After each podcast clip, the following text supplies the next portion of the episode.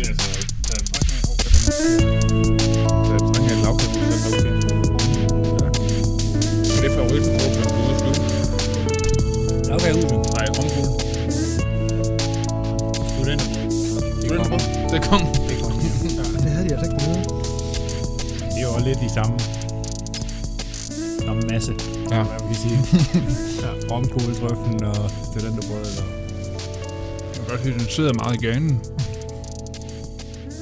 Jeg tænker sådan, er der sådan en, eller anden- en rookie mistake i forhold til at købe kage, hvis man har nogen ude at køre, de skal ind og hente kage tilbage og så op. Er der sådan noget, man sådan tænker, og bare ryster på hovedet, hvis de kommer ud med?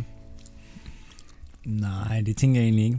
Jeg kan ikke komme ud med en helt fransk brød. Så længe det er kage, og de giver, så tror jeg, der er, der er ret Så er det hvad som helst. slag. Ja. Vi havde øh, et tidspunkt en, en, der bare skulle ind i træningsgruppen. Øh, en, der hedder Jonas Vingegaard. Han gav lige kage der de første to gange, hvor det var høje snegler og det hele. Så røg han hurtigt med. Hvor han gerne med der. Så, Var han var velkommen. Var det tiden i Aarhus? Ja, det var det. Mm. Så er der altid plads på bagsmængen til en, hvis de giver kage. Ja, det er der. Ja. Det er der. Der havde jeg jo en fed flok dernede, her, ikke det? Jo. Jo, der var... Jeg tror, der var mange flokke, men... Men, men vores flok var, var rigtig god. Og det, Mm. Det gælder om at finde nogen, man, man har ens træningsvaner med, og Ja. kan finde ud af at komme til tiden, og de der dyder, hvad du selv har. Ja. Ellers så øh, er der en naturlig udskilning. Ja, så, så Just har jo med en gang imellem. Ja, Ikke så tit, når han kom for når det var over 15 grader, og solen skinnede, og, og vi var i godt humør og gad at vente på det. Ja, en, en lille fyr fra Tasmanien. Ja.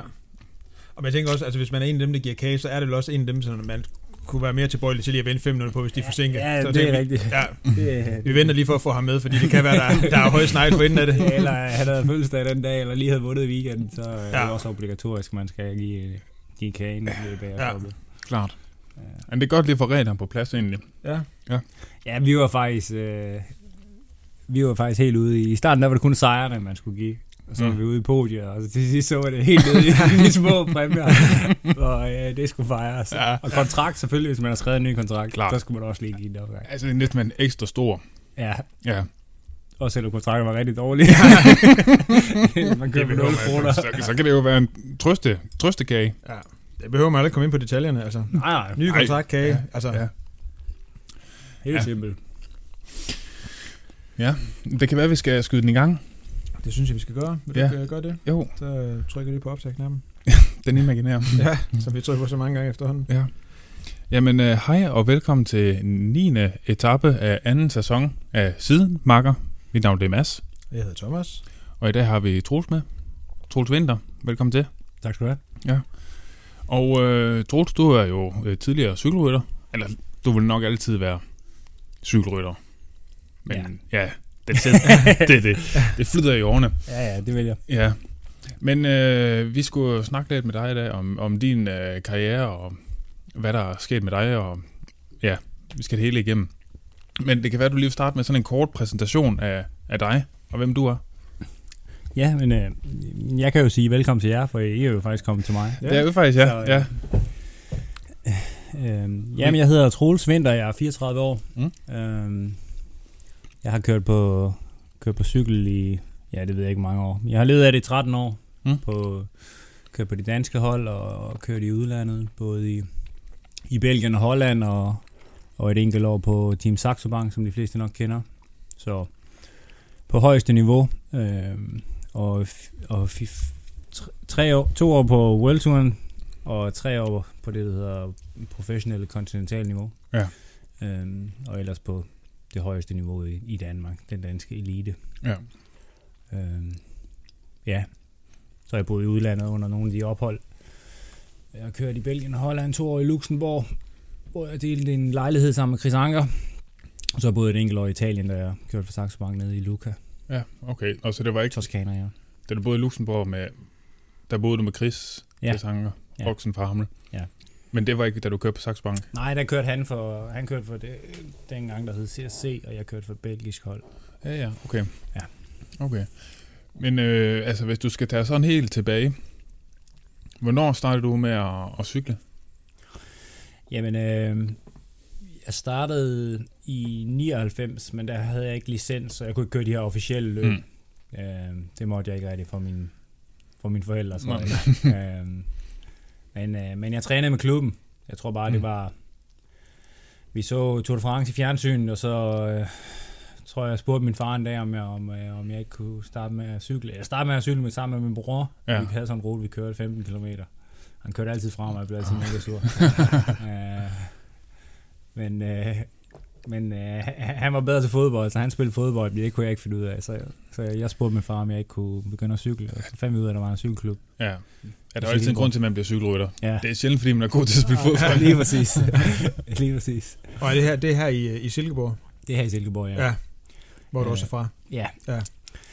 Så det var helt tilbage dengang, det hed Silkeborg Cykelring. Og så startede jeg derinde og trænede med dem et år, hvor jeg så ikke kørte licensløb. Mm. Så kørte jeg en prøveløb, der hedder de unge cykelløb, som jeg tror stadig eks- eksisterer.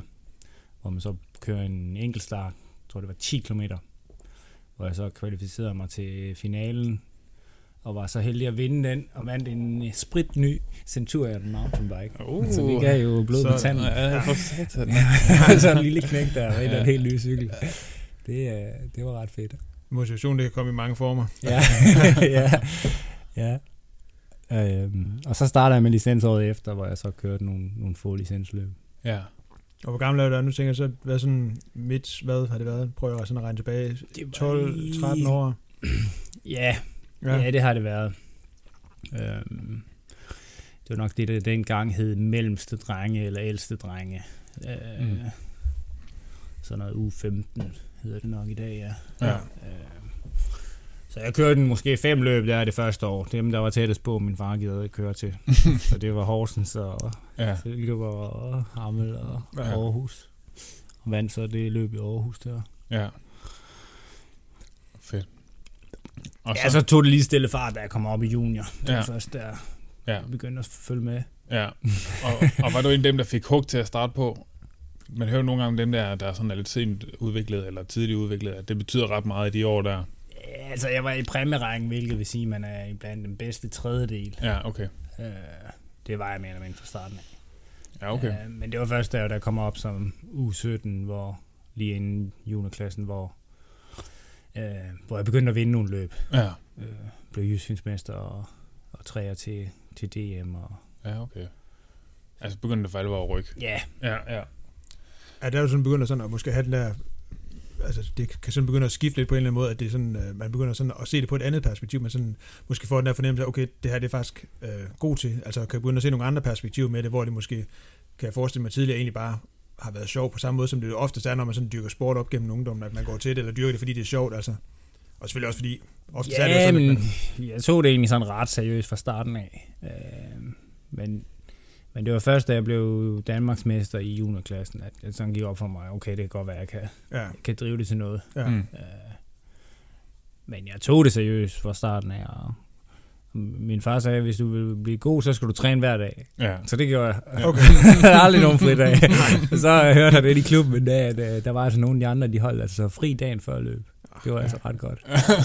det var ret fedt. Så prøvede jeg også det en gang. Det virker også indimellem. Ja, det Så var virker lidt mere frisk. Ja, ja. okay. Nå, Men hvornår begynder du, altså, hvornår begynder man sådan at køre for hold? Altså ligesom, du kø- kørt for Silkeborg cykelring, og hvornår ja. Ja. begynder der så ligesom altså det med, at man begynder at få nogle kontrakter med... Jamen, det gjorde jeg først i juniorklassen. Ja, Øh, der kørte jeg første gang for et hold, Ja. der hed Team Vejle. ja, Det var ikke sådan en rigtig hold, det var bare en klub, der ligesom samlede nogle ryttere fra øh, både fra Sjælland og fra Jylland, nogle af de bedste, for man kunne have et hold og Ja. komme ud og køre lidt i udlandet. Ja. Øh, en form for talenthold. ja, Ja. ja, Mm. lige præcis. Øh, det var ikke fordi, der var de store sponsorer, det var mest forældrene, der driver sådan ja, ja. der. ja, på det niveau, der er det. Ja, Ja. Så, men det var bare fedt at komme ud og køre nogle løb, og, og det endte så med, at man havde kanon sammenhold der. Og, er det nogle fede oplevelser, man får Ja. kunne jeg forestille mig. Ja. Kørte du med nogen, som, øh, altså der på Vejle for eksempel, som man kender i dag? Øh, ikke nogen, der kører længere. Nej. Men de mest markante var nok øh, An- Andreas Stensen, Ja, øh, som også kørte en 4-5 år på Saxo Bank eller CSC, eller hvad Ja, det hed dengang. Øh, men som aldrig rigtig slog igennem. Øh, og så Thomas Guldhammer, øh, Ja. Guldhammer-familien der. Ja, Øh, han kørte også på det hold. ja. Okay, cool. Og hvornår, altså så kører du et par år eller hvad for, for det Vejlehold der? Ja. Ja. Og hvad så, fordi så ved jeg, på et tidspunkt så kommer du op og kører på det der Unibet. Ja. Ja, Ja, øh, juniorklassen, der har man så to sæsoner, og Ja. så var vi mange af de bedste, der skiftede over til dansk kontinentalhold, der hed Gløder Marstrand. Ja, ja. Så der kørte jeg som første års senior. Ja. Og så allerede øh, det første år blev jeg nummer tre til senior-DM, mm-hmm. øh, og fik en bronzemedalje. okay. Jeg har så ikke gjort det bedre siden irriterende. til DM siden. Men, øh, øh, ja, så til Danmark rundt, så kontaktede øh, det belgiske hold der øh, mig. Deres manager var med til det løb. Jeg hævde mig bare til siden en dag. Jeg tænkte, jeg tænkte Nå, men det er nok bare et eller andet talenthold, han gerne vil have, jeg skulle køre for, eller Ja. ja. et eller andet. Og så endte det med, at han tilbød mig en kontrakt på, på World Tour holdet. Og det var det her Unibet. Ja, det var Ja. hed Unibet.com. Ja. Det var faktisk svensk registreret. Ja, for det snakkede vi faktisk om, at Ja. det var så, ja.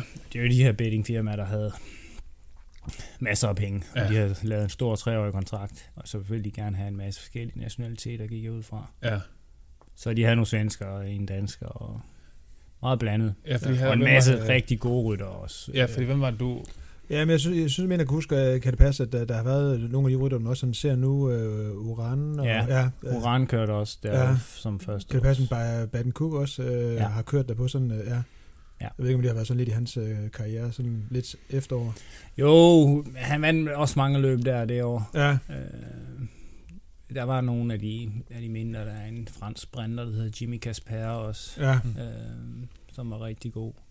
Øh, Victor Hugo Peña. Der var nogle folk, som var lidt i deres øh, efterår der, Mm. Ja, som de men som stadig kunne Ja. Ja, lære strasser og Men det vil også tænke, køre godt opad.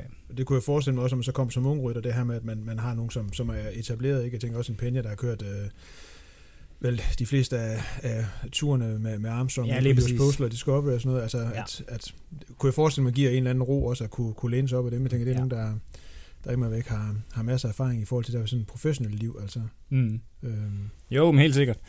Det var, øh, det var, det var meget forskelligt, men, men der var så også mange problemer med det her med, at det var Unibet, og det var bettingfirma, fordi i Frankrig, der har Francis Deschamps, de har monopol.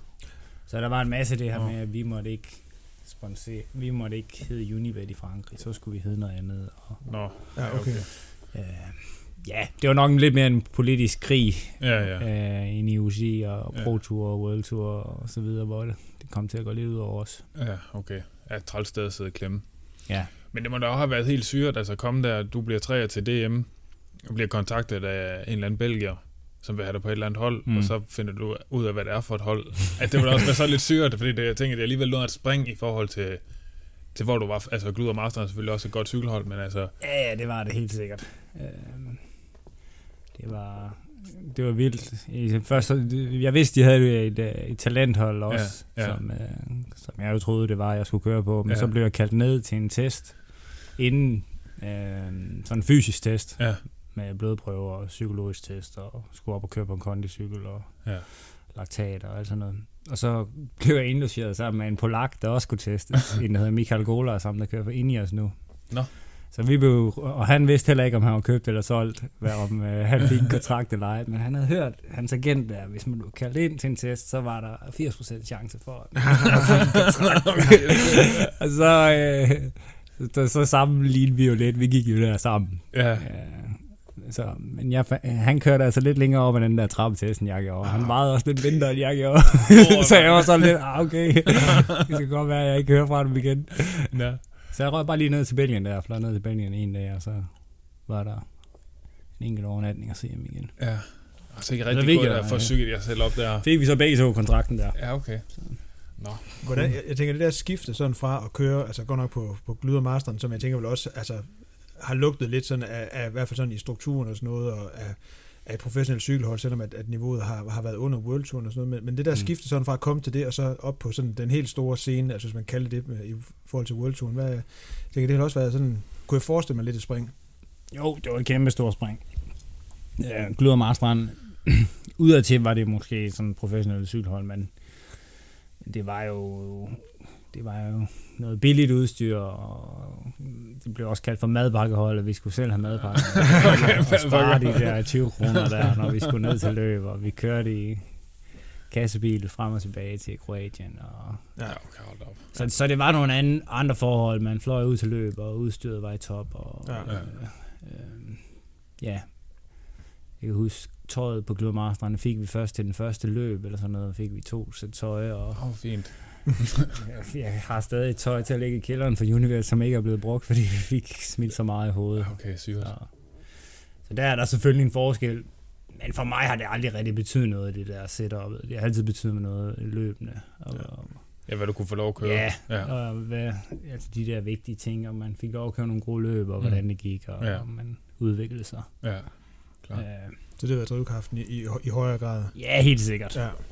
Øh, selvfølgelig er det fedt at have noget ordentligt udstyr. Og, øh, men hvis man sidder sammen med to russer og en polak, skal til et eller andet løb nede i Frankrig, man ikke gider at køre, Nej, det er ikke, nok ikke, fordi man så man hellere køre sammen med gutterne i Kassevogn ned til Belgien. Ja, der er lidt mere sådan, uh, måske noget værdifællesskab og lidt at snakke om, tænker jeg. ja, At ja. det er ikke sikkert, at I går, I går, de sådan er... Er ikke de helt intelligente samtaler, der kommer der. Ah, okay. Så kan jeg godt blive pludselig langt til Kroatien. ja.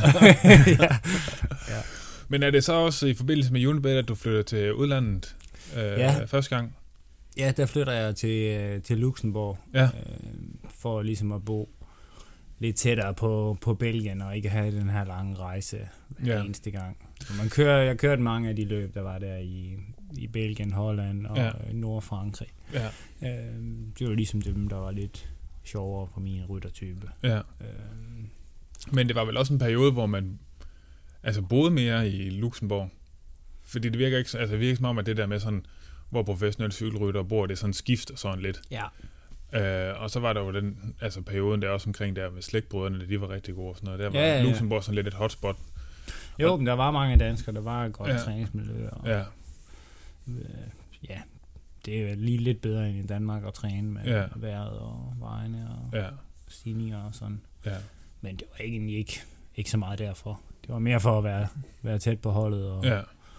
Ligesom også vise over for dem, at man gerne vil det. Og man, ja, man var committed. ja, Ja, Ja, for det er jo lidt, altså, tænker jeg, lidt, lidt et andet, det her med sådan at være på et hold, eller være på kontrakt på et hold, end det, end det er i andre sportsgrene, ikke? Altså, hvor man, man ser det med hver dag, og man, man, altså, man har en, en langt tættere kontrakt, end, end jeg forestiller mig, man har med, med, med mange af de rytter, man er på et, et cykelhold med, altså, øh, Ja. som jo kan bo alle mulige steder i Europa, og man jo også kan, kan se tit, ikke, så ligger rytter og træner med, med andre rytter fra andre hold og sådan noget. Altså, så det er jo sådan lidt, lidt en anden øh, kultur, der er på et cykelhold. Altså, ja, helt sikkert. ja, Helt sikkert. Altså holdet var ligeglad med, hvor jeg boede hen. ja, Mm. De, øh, de flyver bare en ind, der hvor man nu bor.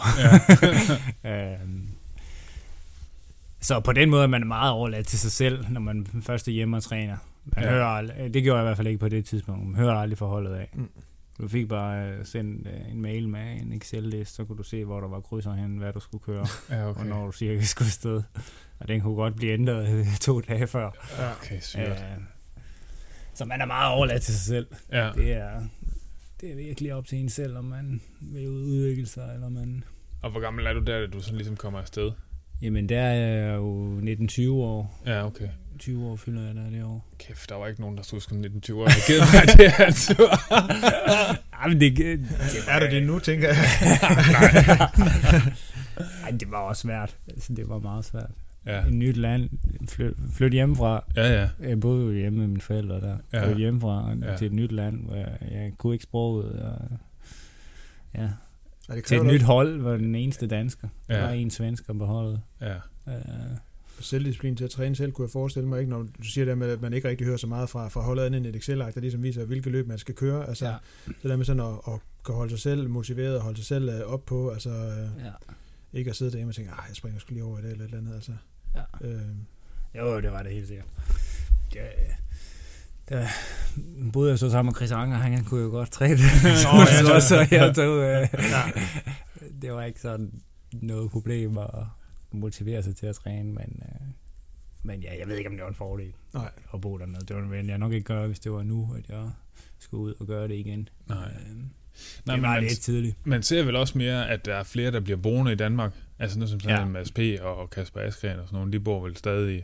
Ja. Så er selvfølgelig rigtig mange nede i Girona. Mm. Men ellers er det vel mere sådan, altså hvis man magter at være hjemme om vinteren, så, er der jo, så gør de vel bare det.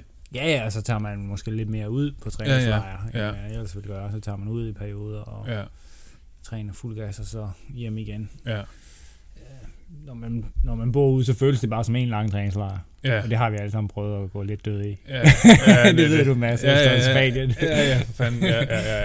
Øhm. ja, der skal være så lidt variation ja, i det, ikke? det er det, der skal ja. være lidt variation. Ja. Øh, det føler jeg i hvert fald også nu. Ja.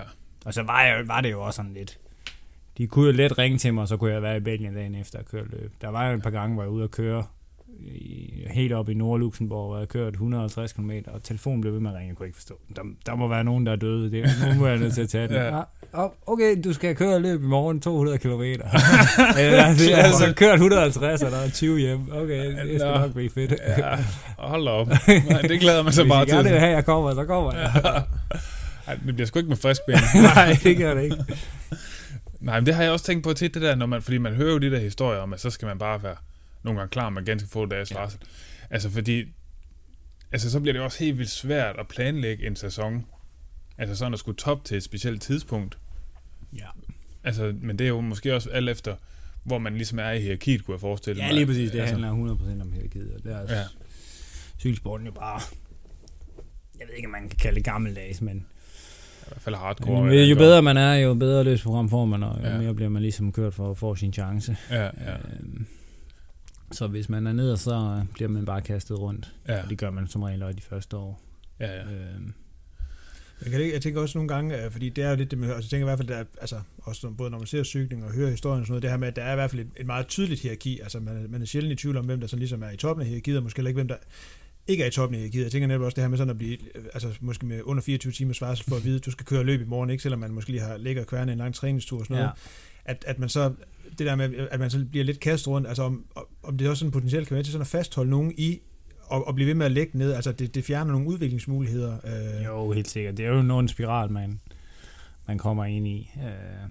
Fordi jeg tænker netop det der med, at man kan sige, der, der kan både være noget gammeldags i det her med, at der er den her struktur, Øh, og, og nogen vil måske også sige, dem der sådan måske lidt, lidt gamle skole, vil også sige, at det, det er en vigtig øh, øh ja. uddannelse, hvad hedder det, som cykelrytter, man får at lære den her ydmyghed, og alle de her ting og sådan noget, og Bjarne Riester og Hjelbrud, og alle de her ting, ikke? Altså, ja. men, men, men der er vel også en, øh, der er vel også en skyggeside ved det, øh, kunne jeg forestille mig, i forhold til, at, at der er nogen, som, som får svært ved ligesom at bevæge sig væk derfra, altså. Ja. Øh.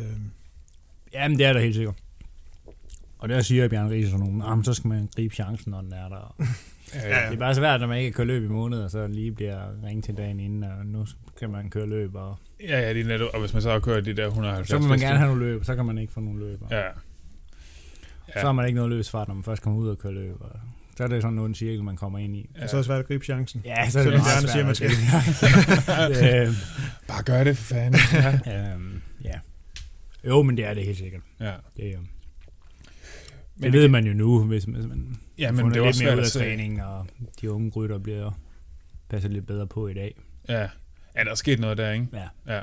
Så jeg tænker også, det er godt, der, der er kommet lidt et, et, et kulturskifte. Ja, helt sikkert. Ja, at den er blevet ja, måske netop knap så gammeldags, altså det ikke er altså de her helt udtalte roller. Selvfølgelig er rollerne jo stadigvæk, og, ja. og fordi en del af rollerne er jo også, at, at der findes jo forskellige ryttertyper, og at alle jo har en, en rolle for ligesom at, at få holdet til at fungere perfekt, men også at, at at jeg sådan ikke har hørt det. Du også tænker, det er meget godt, at der, der kommer lidt, lidt nye vinde der. Jo, jo, helt sikkert. Ja. Det, jeg synes, cykelsporten har udviklet sig meget de sidste fem år. Ja. Mm. Øh, ja, om det er Ineos eller Sky, eller hvad vi skal kalde det, der ja. har set en, en ny tilgang til det, eller det var en naturlig udvikling, der ligesom er sket. Det er, det er, men hvor tænker du sådan, det er mest markant, sådan at den der udvikling, altså udover sådan det her med sådan hierarki og kulturen og sådan noget måske, altså du synes, det her med, at du, sådan, at du, du egentlig ser, at den har udviklet sig meget af cykelsporten? Altså. Jamen altså, førhen der var der lidt en trang til, at man bare skulle smadre folk, og man bare skulle, folk lige skulle bare ud og køre, køre nogle løbsdage, så blev det gode. Det var også meget øh, skældesfilosofi dengang på Gløder Marstrand og mm. Så jo, jo flere løb vi kan få, jo tidligere på året, jo bedre er vi, når den danske sæson starter, og så kan vi bare øh, køre de køre de andre i sænk. Mm. Øh, og det er klart, jo flere løb man har kørt, jo lidt mere løs fart har man også. Øh, Men, men dengang jeg flyttede til Luxembourg, der havde jeg jo ikke, for eksempel ikke nogen træner. Øh, jeg trænede jo bare det, jeg synes. Mm. og det tror jeg, det er en af de største forskelle, der er nu. Alle har jo en træner. Ja. Alle træner specifikt helt fra de er helt unge af ja. og kommer op. Øh, Og der var heller ikke noget oplæg sådan fra holdet, der ligesom sagde, hey, det kunne være, du skulle træne det, eller det kunne være, du skulle... Overhovedet ikke. Det var bare ud og køre, hvad man lige synes. Ja. Ja. Ja, og så hvis det gik dårligt, så, så skulle man bare køre endnu mere. øh, min sportsdirektør der, jeg havde øh, en, der hedder Hilaire van der Søden. Han er stadig i, i sportsdirektør i Belgien nu. Øh, den dårligste sportsdirektør, jeg nok nogensinde har haft. Så, nu kommer der Jamen, jeg har også sagt, at du skal endelig ikke holde tilbage med han, han sagde en, en gang, øh, jeg har også sagt på vores egen podcast, den her historie, men han sagde en gang, hvor jeg blev sat, fra, jeg kan ikke huske, hvad for et løb. En af de mange gange, jeg blev sat. Tidligt. Uh, tomorrow, han uh, snakkede meget grebongen engelsk, du kender den flamske røst der. klasse. Tomorrow you do six hours. I don't want to see your bike at the coffee shop. Food in the pocket and you go. og det var jo i, i Belgien, så blev man indlogeret på hotel, og så træner man derovre et par dage, hvis der var nogle par dage mellem løbende. Og, så, så det var, det var meget gammeldags. Man skulle, Ja, man skulle helst køre selv alene. Ja, Langt, 6 timer. 6 timer. Uh, Uden stop. Fordi man må ikke ligge lære andre, så må Nej. man ikke gå. Nej, det er klart. Selv være ude i vinden. Ja, ja, ja. God logik. God Ja, logik. ja, ja. Og han kendte jo alle i området der, så hvis man havde været inde ved at få en kaffe, så vidste han det altså. Og han kendte alle, og hvis de havde set en Univel så ringede de til ham og sagde, at nu holder han derinde ved caféen igen. Og hvis man også er ung, kunne jeg forestille mig, så tænker man også bare, jeg gør, som der bliver sagt. Ja, ja, sikkert ikke satan, andet. dem tør ikke gøre andet. Nej, og bliver bare stukken, og om der så bare er mælk i din kaffe, så... Satan. Ja. Ja, Så det var, det var kuren mod at blive sat. Det var ud at, at, at trille 6 timer alene i vinden, Ja. ja. med, med det mad, man nu kunne have i lommerne. Ja, lige præcis. Ja. Så der håber jeg, der er sket noget i cykelsporten siden da. Og ja, man skulle også bare køre kilometer ja. dengang, ikke? var Ja, fordi det er handler også det, man, jeg synes, at man har hørt om sådan de sidste par år, også sådan i forhold til Jumbo og sådan noget, det der med, at de kører markant færre løb, især altså de bedste af dem. Men at, Ja, ja. de, at de kommer til gengæld, og så smadrer de bare det hele Ja. alligevel, selvom Ja. at de kører løb. Ja, dengang skulle man bare have så mange løbsdage som muligt, og nu hiver de jo fandme ud bare, folk har lidt ondt i ryggen, så bliver Ja. ja. de hævet ud af løb. Ja, Altså, jeg har prøvet mange gange, hvor jeg har været syg og feber, hvor jeg bare fik at vide, at jeg bare skulle starte. Ja. Og vi ser lige, hvordan det går, og bare lige prøve det. bare Køre de friske kilometer. Ja, tænk nu, hvis feberen Ja. forsvandt, ikke Ja, kørte 100 km. Tænk nu, Ja, det er lige det gik at starte. bedre. Ja, det Ja, kunne lige- være, det jo din dag i dag, for fanden, du skal ud og gribe chancen. Nogle få dage, og så hiver man stikket der. Sidder inde i boomwagen efter 7 km, ikke? Ja. Ja, det, lad os håbe for, for alle øh, på World Touren, at der er sket lidt. Ja. Ja. Men jo, Ja, men jeg tænker også lige sådan, for, sådan lidt at opsummere. Det lyder også sådan den der vej egentlig sådan fra, fra det her ungdomscykling, en, her, hvor det starter her i Silkeborg og videre sådan Mm. over talenthold i Vejle og sådan noget. Det lyder som sådan den meget, jeg ved ikke, man kalder sådan en meget slagende vej, ikke? Altså sådan op, øh, sådan, øh, sådan Mm. altså arbejde sig op gennem, øh, hvad hedder det, de her, hvad hedder det, juniorklasser, senior, og, og så til lige pludselig at ramme øh, sådan den helt store scene, det sådan har, har været sådan en masse små, små byggesten på det, altså. Ja. Ja. Men var det, og det var egentlig også det, jeg simpelthen frem til, altså der med, altså pludselig at sidde i, altså når man så sidder der i feltet, ikke med, forestil mig alle de store hold, vi kører på, på World Tour niveau med Unibet og sådan noget, Mm. altså, jeg kan forestille mig, at det stadigvæk er sådan lidt et, øh, lidt et kulturschok, altså, Jo, helt sikkert. ja, Det var jo en helt anden, helt anden fart, og ja, de store rytter, man har set i tv, der klichéen ikke med Ja. ja. den Broge og alle dem der dengang. Ja. Uh, Peter van Petegem og alle de gode, der var i Belgien der, som er lige noget at køre lidt med, Ja. eller imod. Um, så, så, så, så, det var bare fedt. Uh, at jeg så aldrig så fronten, det var jo sådan. ja, ja, det er ikke så fedt. Men uh, Nej. ja, Men altså, så bliver du kontaktet af Saxo Bank på et eller andet tidspunkt. ja, Ja. jeg kommer hjem og kører øh, nogle år hjemme, ja. Og så, okay, du har tid hjemme i Danmark Ja. me- mellem Unibet og Saxo Bank. Ja. Ja. Øhm, Og hvad kører du for? Er det bare... Altså, Først kørte jeg for det hold, der hed Cabi Nordic, som var ja, et godt kontinentalt hold, som så kun var der et enkelt år. ja, Øh, og så kørte jeg faktisk på Glød Marstrand igen. ja, okay. Øh, hvor jeg så efter at have haft en god sæson i 2011, Ja, øh, får tilbudt en kontrakt øh, ved Saxo Bank, ja. ja, okay. Og så rykker du til Italien? Ja. Ja. Øh, der var rigtig mange rytter, der boede i øh, Italien, der helt nede ved Luca i Ja, Toscana. ja. Øh, så det gjorde jeg også. Bjarne Ries, han, øh, han, han troede, jeg kunne blive en god bjergrytter. Ja, Så jeg skulle ned og træne i bjergene. du skulle bare ned have nogle fucking Hvis man gerne vil være god i bjerge. bjergene, så Ja. skal man... Jamen, det er selvfølgelig god logik. Ja. Ja. Øh, så, så jeg havde et meget bjergrigt program, og øh, øh, jeg er faktisk super glad for at bo dernede. Det var, Ja. Men det var virkelig fedt. Ja. Ja, fordi der var vel også lidt en dansker koloni dernede på det tidspunkt. Ja, var det var der. Ja, Der var også en træner, og der var en, øh, en masse danskere, øh, som boede der. er det så første gang, du sådan for alvor får en træner, der ligesom... Ja, eller det var det jo så der i mellemheden mellem de to, Ja, øh, mellem de to øh, World Tour hold der, ja, hvor jeg fik sat lidt mere styr på det. ja, Øh, og det var jo det, der rykkede mit niveau meget hurtigt inden for et års tid. ja, Så, så det fortryder jeg ikke havde haft fra, fra sådan helt fra starten af. ja, ja, ja. Var du også sådan, følte du også sådan bedre rustet der nu, anden gang, du sådan lidt Ja, flyttede til udlandet og sådan noget, Mm. og, og, kom til Italien bo i forhold Helt til, sikkert. så du flyttede til, til Luxembourg. Ja. Ja. Altså efter det der Luxembourg, der havde jeg jo fået en masse erfaring på mega kort tid. Mm. Øh, Jeg kørte en masse forskellige løb. Øh, bare blev kastet ud. Så det, jeg kendte jo jeg kendte jo det hele. Ja, Øh, og jeg var jo jeg prøvede jo også at, at, at lære fra mig det, jeg nu kunne. Altså, eller jeg fik en masse erfaring, som, Ja. ja. som gjorde, at jeg allerede var ret god med det taktiske og ja, tekniske der. ja, ja. Øh, den belgiske skole der. ja, Ja, ja. Så, det selv, der, okay, så selvom den er hård, så, er det også, så, så gav det også noget, du kunne trække på ja senere. helt sikkert. Ja. Ja. Helt sikkert. Ja, okay. Og jeg tænker, det der, Sa- øh, altså, nu, øh, nu har Saxo Bank jo eksisteret i, i en masse forskellige afstykninger, øh, Tinkoff og CSC og Tiskel og sådan noget. Det er, øh, Ja. og det er 2012, du kører, øh, mm. du kører for dem. Nu sidder jeg prøver lige at tænke tilbage på, hvad det er for et hold, der er der. Øh, jeg tænker, det må være inden, øh, inden øh, Tinkoff i hvert fald øh, ryger ind over. Eller er det det? Tinkoff rører ind over øh, til Tour de France. Ja, det er det, hvor de kommer ind sådan midt Ja. i det. Ja, Der skifter det. ja, Og så er det også år, hvor Contador bliver udelukket. ja. Ah, Så er Contador. Øhm, han havde kørt der ikke, og så var det hans anden år. Og så var det den der sag med fra Sterner. ja, Med bøf-sagen. ja, tror jeg, bøf, Ja. ja. Den kinesiske Han bøf. blev jo kaldt Le Bøf. Ja. Hvad, blev han kaldt? Le Bøf. Le bøf. Ja, ja, det er. Pokkers, altså. Ja, det er god. Det sgu altså ærgerligt, når man kommer til at spise. Ja. Ja. Helt Så. Contador, han skulle jo nå... at- Så var han jo blevet frikendt af den spanske union. Union. Så Ja. måtte han køre. Ja, Og så tror jeg, den blev anket til internationale. Så må han køre ind til den nye sag. ja. Blev afgjort.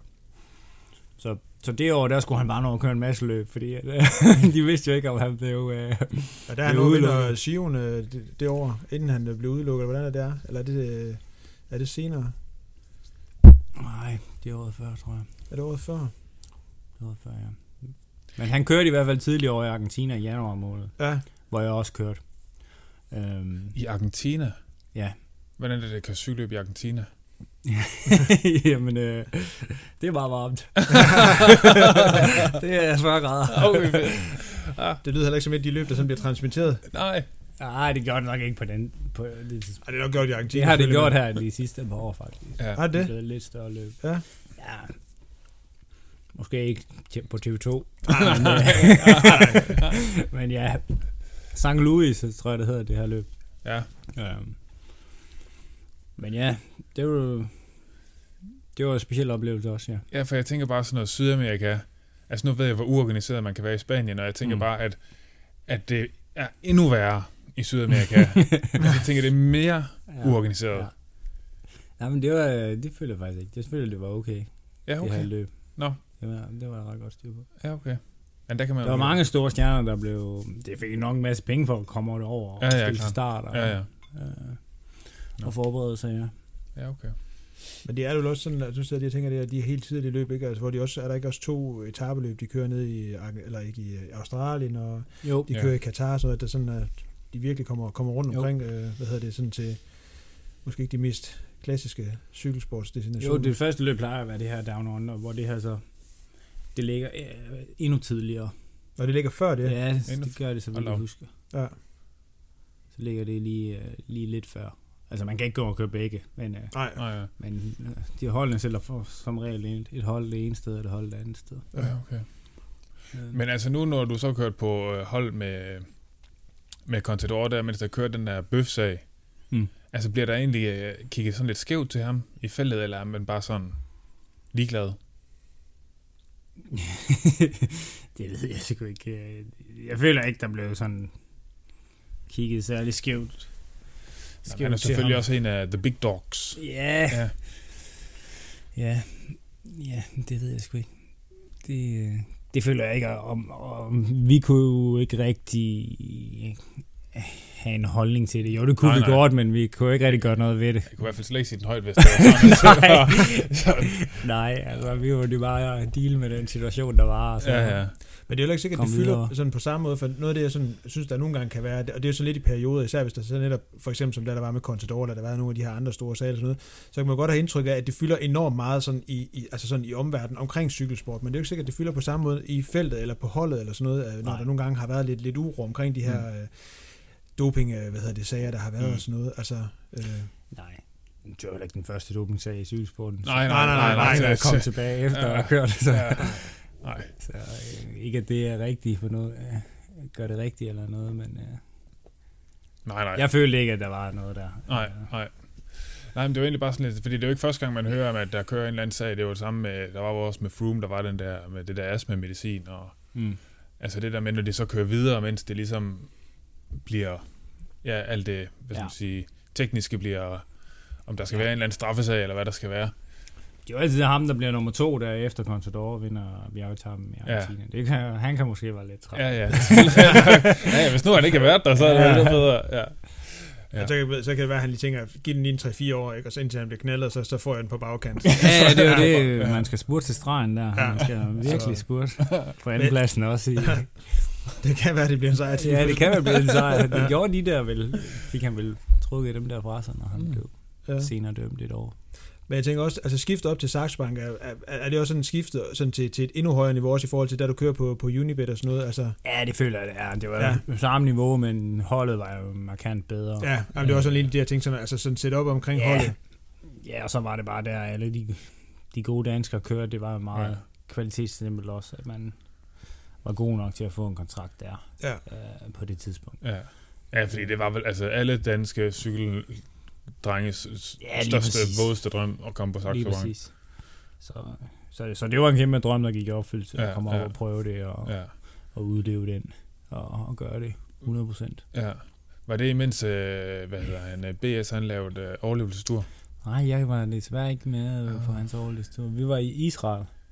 Yes. Ja. Ja. vi var i Israel og var lidt det samme, men vi skulle bygge en skole til unge, der skulle cykle, eller Nå. der var øh, sådan lidt de forskellige religioner, kan ligesom kunne mødes ja. og, Okay. og være gode venner og forenes lidt der. Ja, Øh, vi havde også en israeler på holdet. Det var ham, der ligesom betalte gildet, eller han Ja, havde en okay. sponsor, som, øh, Nå, som gav hele den der tur ja, okay. øh, i Israel. Hvor Gjorde det var godt. sådan en vinter teambuilding camp. Ja, ja, ja. Vi så startede med en præsentation i hovedkontoret i, i, øh, i København med Saxo Bank. Mm. Og så blev vi kørt til Malmø, så havde vi privatfly til Israel. Okay, okay. Direkte ned til vi og så boede vi bare, fordi uh, helt femstjerne hoteller og Nå. kørte gadeløb ind i Jerusalem, der hvor Chris Anker han styrtede, og Nej, okay, sygt sted at køre gadeløb, tænker jeg alligevel. ja, Ja. Contador vandt. Nå. Chok. jeg er kæmpe chok. Ja. ja. det var lidt sketchy. Det var sådan om aftenen, halvmørkt, var sådan nogle helt støvede veje ind i Jerusalem langs muren, og Ej, okay. ja, det var sådan lidt risky. Og så nogle lokale israelere, Ja, ja. Og Så nogle løse missiler. der var en, der påstår Chris at rev ham ned. Nå, okay, okay. Nå, okay. Nej, det kan være, vi skal høre om Chris eller mere så kan vi få lov at blive kraftigt og afkræftet historien. Og så helt sensationelt, så vandt uh, Contador. Ja, Ja. ja. ja. Ja, det var, men altså, sige, der har vi jo, altså der har vi jo, jeg var inde i Aalborg til gadeløb også på et tidspunkt, der endte det med ham, øh, ham der arrangerer løbet, han blev, hvad hedder det, dømt for sådan noget, hvad hedder det, matchfixing, fordi de havde betalt ham for, de havde betalt ham så mange penge for at komme, og så skulle han jo vinde, ikke? Så, så det endte med, at han mistede muligheden for at arrangere flere gadeløb. Oh, Ja. ja. ja, det var det sker. Ja, ja det kan jo, det kan jo smutte. Men altså, hvordan var, hvordan var tiden på, på Saxo Bank? Altså, var det en fed tid at være for dig som cykelrytter, eller var, altså, hvad, det, det, det var fedt. ja, det var det. Ja. Det synes jeg, det var. Øhm, ja, at køre alle de store løb, som Ja. jeg havde håbet på, og, og virkelig få, få udlevet den drøm der. Ja. Øh, jeg, øh, Bjarne Ries havde jo en, en tro på, at jeg kunne blive god til at køre op af, Ja, øh, hvilket aldrig rigtig lykkes. nej.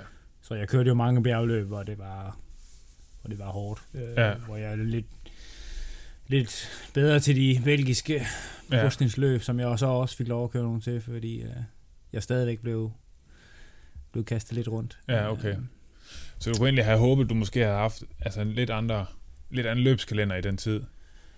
Ja, men det er jo også det, man, man ved jo heller ikke helt, hvilke områder man ligesom slår igennem på. Nej, nej, nej, nej, det er selvfølgelig.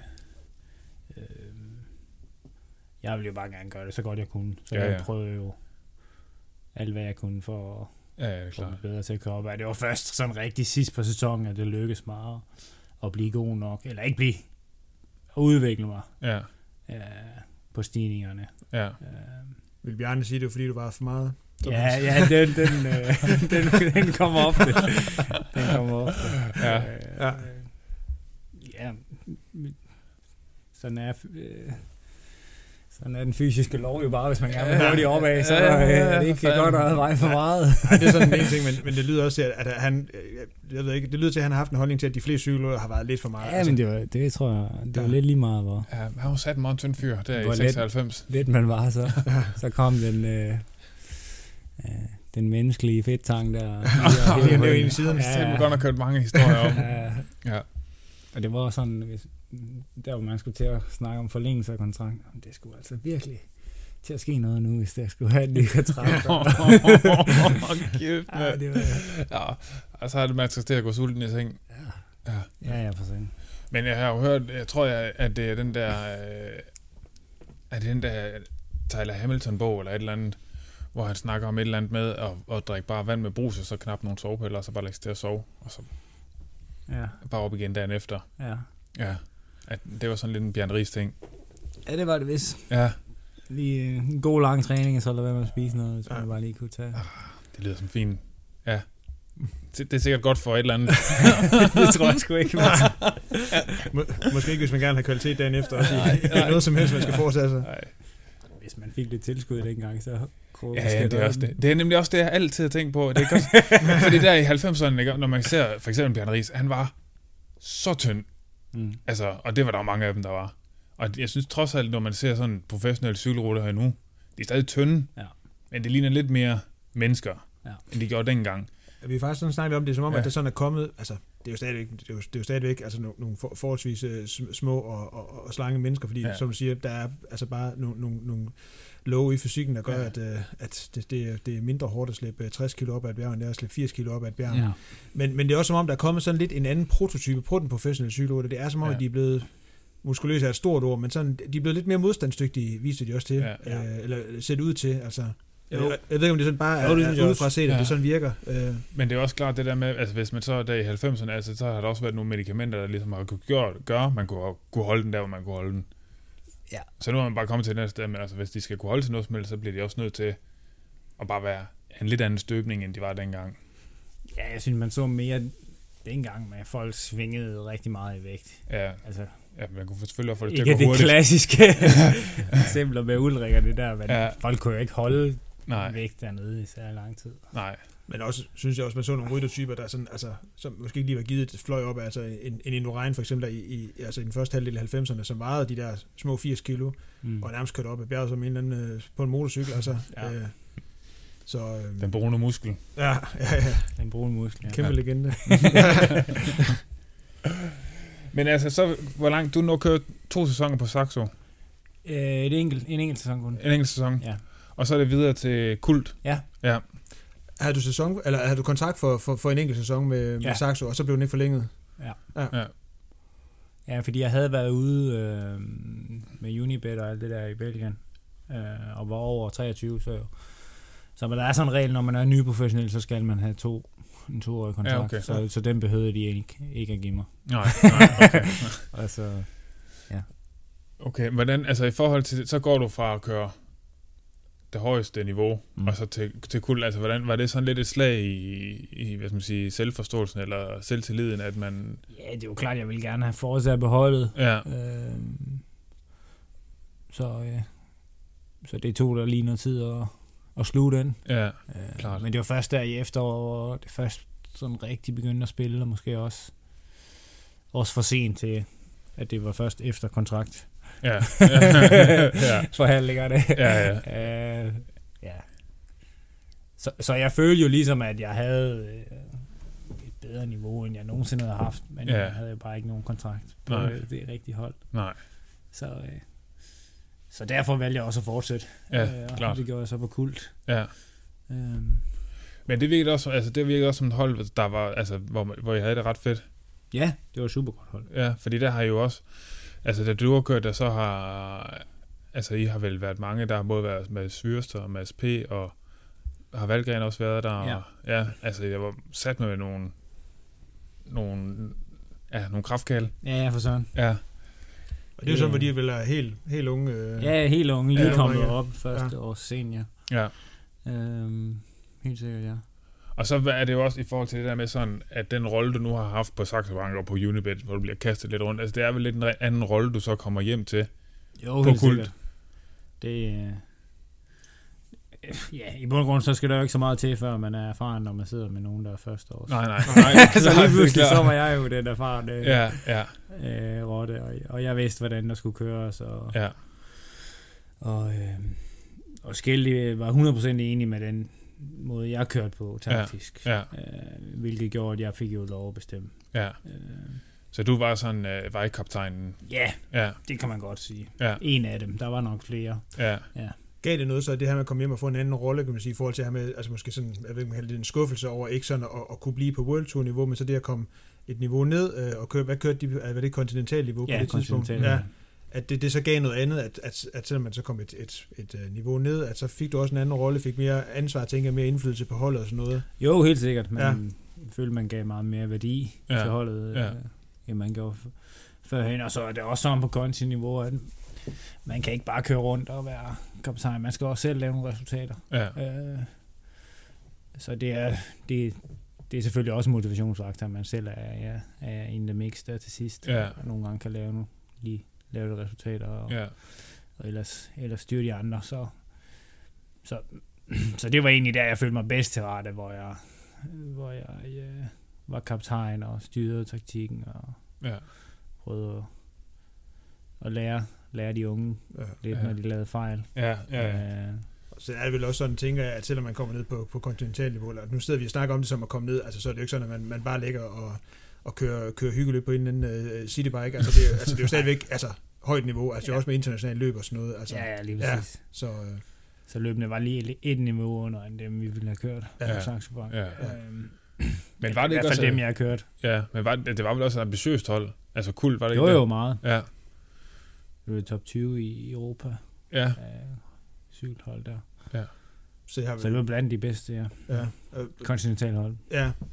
Men bliver det også, det ikke, så nogle gange bliver også kan få- invitation til at komme ud og køre nogle af, for eksempel nogle af de lidt mindre World Tour løb eller sådan noget, eller... Øh, som kontihold tror jeg ikke, man kan køre World Tour løb. Øh, der skal man være oppe og være pro Og konti. det er pro konti ja. øh, som det så også blev i 2015. ja, okay. Øh, som, øh, Det er det, Rival har været også her. Ja. Ja, det har rival været et enkelt år, og Kul var også der Ja. ja. i 15. okay. mm. Øh, men vi kørte jo Tour of Norway og de der mindre øh, nationale tours, der var, Ja. og vandt også. Øh, mest med Magnus Kort. ja, det er i hvert fald i min tid. Ja. Altså, ja, han klarede det også okay. ja, der var, øh, det må have været i 14, hvor han vandt 10 UCI-løb og førte den internationale rangliste. Ja, okay. Øh, Nå. Det var meget Ja. fint. Så det var rigtig fedt. Ja. Ja. Det var fedt at være med. Vinder du nogle, øh, nogle løb der? Jeg vinder to UCI-løb der det år. Øh, ja. Jeg, vil- jeg mener, jeg øh, læste på et tidspunkt også, at, at øh, jeg har kørt Tour de l'Avenir, kan det ikke passe? Jo, Og har vundet der i også. Jo. Men er det, er det, er det helt, er det før? Øh, det er før guld, ja. Det var Ja, fordi det er ungdomsløb, ikke ja, det, ja, det, Jo, så jeg det sikkert er til sådan, til øh, ungdoms. ungdoms Tour de France. Ja, så det er der, du kører på, på Unibet. det. Det jeg kører lige efter Unibet, faktisk. Okay, Øhm, øh, og det er som en- med landsholdet, U23-landsholdet. ja, okay. Øhm, Ja. Hvor jeg vinder en etape, ja. Mm.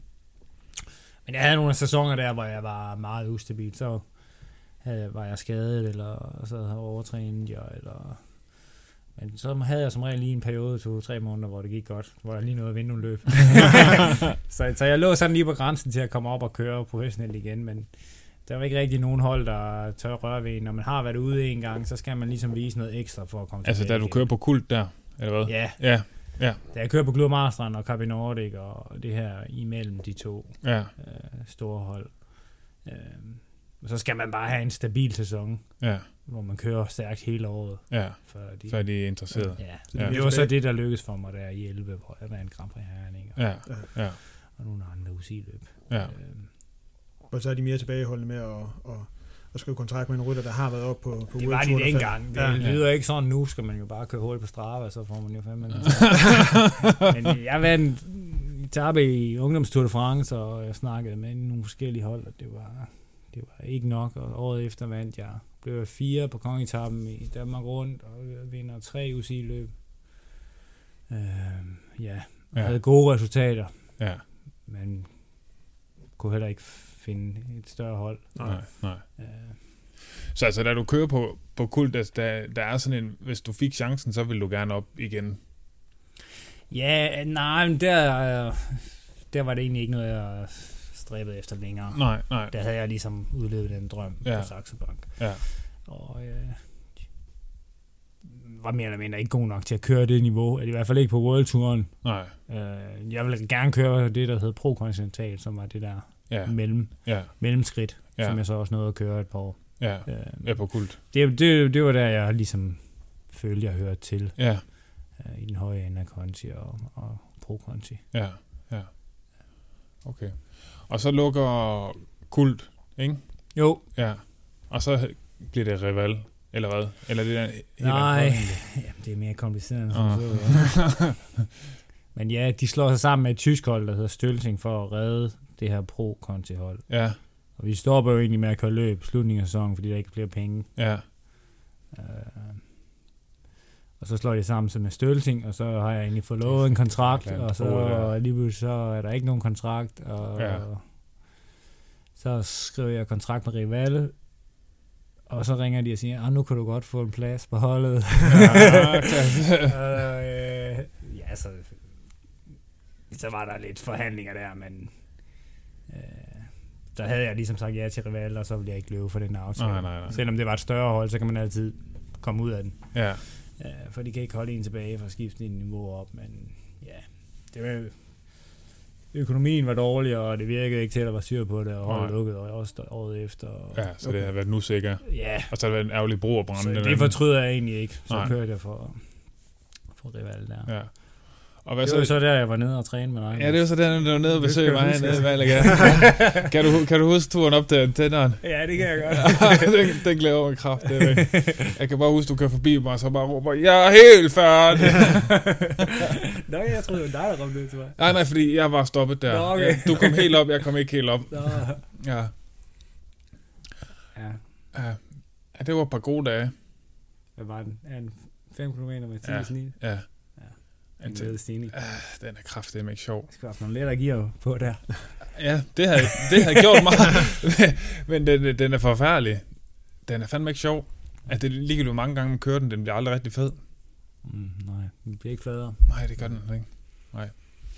Men det var så, altså, det var året, hvor du, da du nede og besøge mig, det er så der, du starter på Rival. Ja. Ja. Det er min første år der, ja. Ja. Og ændrer din rolle sig fra, at du er på kult, til du kommer over på Rival? Nej, ikke rigtigt. Måske Nej. får jeg lidt mere ansvar til selv at lave resultater. Ja, Øhm, fordi på Kul var der så mange unge talenter, som vi har snakket om. Ja, ja. SP og Kort og øhm, på Rival var, var det måske lidt mere lagt op til, at jeg også selv skulle prøve at køre klassement i Danmark rundt og Ja. nogle af de store løb. Men Ja. stadigvæk havde jeg, skulle jeg have den her rolle, hvor, ja, hvor jeg ligesom var lidt mere kaptajn ude på landevejen. ja. Ja. ja. Og hvordan pas- passer det der? Ja, det gjorde det. Ja, Det var fint. det var fedt. Det var fedt, ja. Ja. Men når du, du, du sagde et eller andet med, at der var... Øh, altså for at du, hvis du skulle have haft en chance for at komme op igen, så skulle du have haft en længere periode med mere stabile Mm. resultater. Men er det, siger du, er det efter din tid på Saxo Bank, at det, at det er sådan lidt ustabilt, at du døjer lidt med skade og sådan ting? Nej, det er efter Unibet. Det er efter Unibet, okay. Unibet Ja, okay, okay. Bank, Ja. Så der er, du har styr på, altså, det er blevet mere Ja. Hvor- Hvornår begynder du ved Phil? Men jeg får en træner, det er i vinteren øh, 2010, må det være. Ja, okay. Ja, det er lige en disclaimer. Ham har vi jo begge, Phil Mansfield, har vi jo begge Ja. været under. Det var jo inden sæson 11, så det var nok været det vinteren 10, hvor jeg havde problemer med knæet, og så Ja, mødte jeg Phil den vej igennem. okay. Ja, så nåede I sat mig her mange år. Ja. Ja, så havde jeg dem siden indtil jeg Ja, stoppede. indtil du stoppede. Ja. ja. Ja, hvor lang tid, for nu, nu er vi jo fremme ved, ved Rival, hvor, mange sæsoner når du at, at, at køre? Øh, for dem? Øhm, Tre, tre sæsoner? tre sæsoner, ja. Ja, ja. Indtil jeg styrter der. ja. Ja, Jeg tænker, det er sådan lidt det, det næste, vi sådan øh, jeg skal bevæger os i. lidt over i. Øh, Ja. Nej, fire må det være, hvis vi tager styrsæsonen med, men det var jo noget, jeg kunne køre tre løb. ja, ja, det er rigtigt. Ja. ja, Men det kan være, at vi skal dykke ned i den dag, hvor, øh, hvor du slår hovedet. slutter. Ja, hvor det slutter. ja, Ja, men øh, Rival havde jo hele tiden mål om også at komme op og, og, og, og blive et professionelt hold. ja, Og det blev det så der i 19. Ja. Og det blev professionelt kontinentalhold, og jeg når så kører med, jeg skal køre mit tredje løb i Frankrig. Øh, et fransk kopløb, hvor der er en masse brostensbål. Det er sådan en mini Paris-Roubaix, ja. hvor folk tester udstyr og rytter og sådan på brostenene der. Øhm, ja, og det ender så med, at, øh, med, at jeg styrter. Jeg, øh, det jeg husker fra det er egentlig, at, øh, at vi kommer vi skal til at gå ind på en brostenssektor. Vi har kørt over en masse brosten. Så skal vi til at gå ind på en brostenssektor, hvor der er sådan en blødt højre sving. Og så, øh, der er jo altid mega en positionskamp, mm. Mega hektisk. Jeg ligger helt ude i venstre siden af vejen, og, og, øh, og der ligger noget sand. Jeg tror, der ligger noget løs sand eller noget, men, men i et højre sving, der bliver jeg simpelthen bare skubbet bagfra fra min højre side, så jeg bliver- vælter helt over på min venstre side, ud i grøften. Uh, det er egentlig det, jeg husker. Fordi normalt i et højre sving, hvis, du, hvis cyklen skrider, så vil du ryge ned på højre side. Ja, ja, ja. Men jeg ryger ned på venstre side.